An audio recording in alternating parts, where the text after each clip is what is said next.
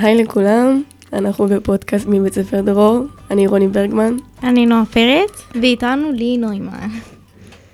אמ, אנחנו היום מדברות על אה, אופיר אנג'ל, בן ה-18, מקיבוץ רמת רחל.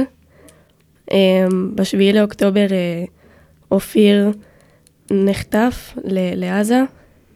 הוא היה בשבי 54 ימים והוא שוחרר בפעימה השישית. אופיר ילד יפה, ממבט אחד לעיניים שלו אפשר להתאהב בו.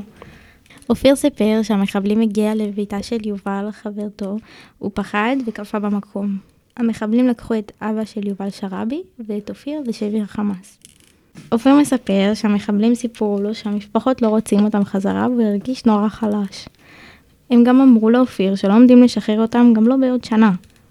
אופיר שחטפו אותו לא הספיק להיפרד מבת זוגו יובל, ובשבי הוא פגש את אביה של יובל, והוא הספיק להיפרד ממנו ואז הפרידו גם אותם. כשאופיר שוחרר הוא סיפר שהם לא אכלו, היו חלשים, וגם אופיר התעלף פעם אחת.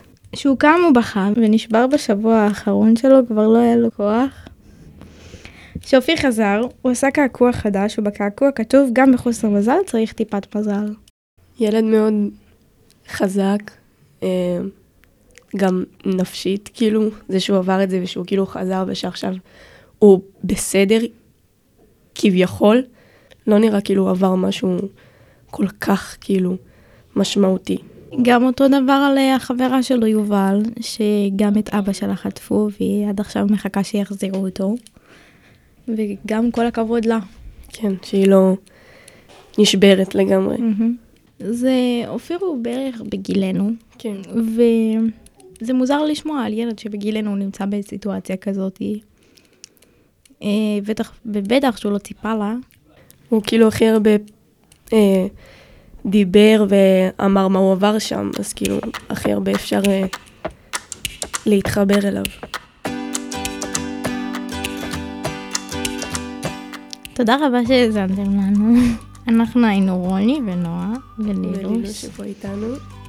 תגידי היי. נתראה בפרקים הבאים של הפודקאסט של בית ספר. דרור. ותודה שהקשבתם. ביי.